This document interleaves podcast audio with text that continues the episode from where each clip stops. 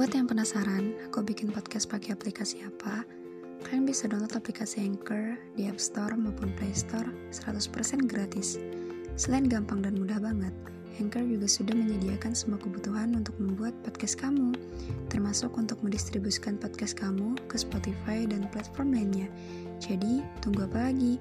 Yuk download Anchor sekarang dan bikin podcastmu sendiri.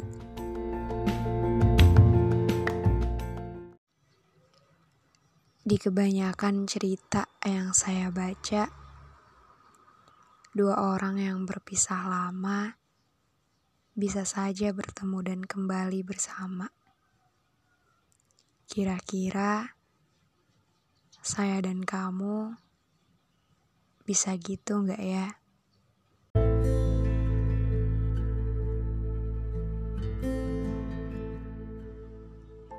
I love him. I love him so much more than anything. Dia dia udah kayak apa ya? Dia bukan sesuatu yang bisa bikin saya semangat setiap saat. Tapi dengan adanya dia di hidup saya, saya jadi nggak harus banyak mengeluarkan tenaga untuk menceritakan segalanya. Dia tahu saya, paling tahu saya. Dia nggak harus jadi hal pertama buat saya, tapi tanpa perlu saya cari, dia ada. Dia bilang dia hanya berperan sederhana Padahal jauh dari hal sederhana yang dia bilang, dia selalu menyelamatkan apa pun perihal saya.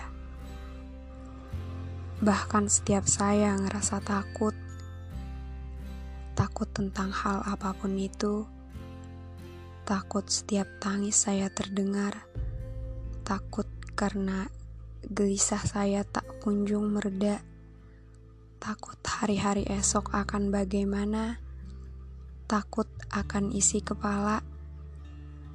Dia ada di sana, datang melintasi kalut dengan seribu angan, berjuta pikiran. Namanya ada dalam setiap teriakan yang tertahan. Sekeras mungkin saya berusaha untuk menepuk dada saya sendiri guna mengurangi sesak yang sudah meraup nafas untuk saya hembuskan yang sakitnya teredam tangisan. Namanya sering terlintas dalam malam-malam kesepian penuh mimpi buruk. Berharap dia datang dan memeluk saya untuk memberikan rasa aman. Maaf Maaf karena udah terlalu sering ngandelin kamu dalam setiap perasaan saya. Padahal perihal perasaan merupakan tanggung jawab penuh diri sendiri. Maaf sudah terlalu banyak bergantung. Dan selalu percaya kamu bisa selamanya ada. Meski hanya berbentuk nama dan angan, kamu jadi hal yang paling mampu menenangkan. Ada perasaan aneh ketika topik tentang kamu bukan lagi jadi perihal yang saya punya. Ada perasaan tidak rela ketika nama itu berubah menjadi topik utama perihal ikhlas lagi merelakan. Entah bagaimana cara semesta bekerja lagi, sosoknya tidak pernah muncul kembali dalam setiap realita yang sedang saya jalani.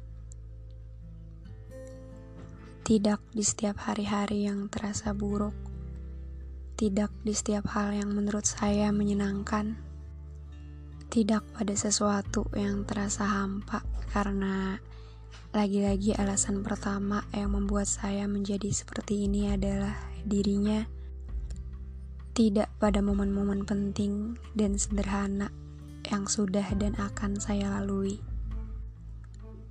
Tidak di hari-hari yang selama masih ada dia di hati saya, saya akan terus merindukannya.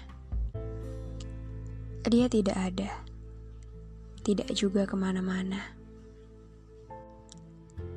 Sosoknya hilang pada setiap hal yang mau saya tunjukkan kepadanya.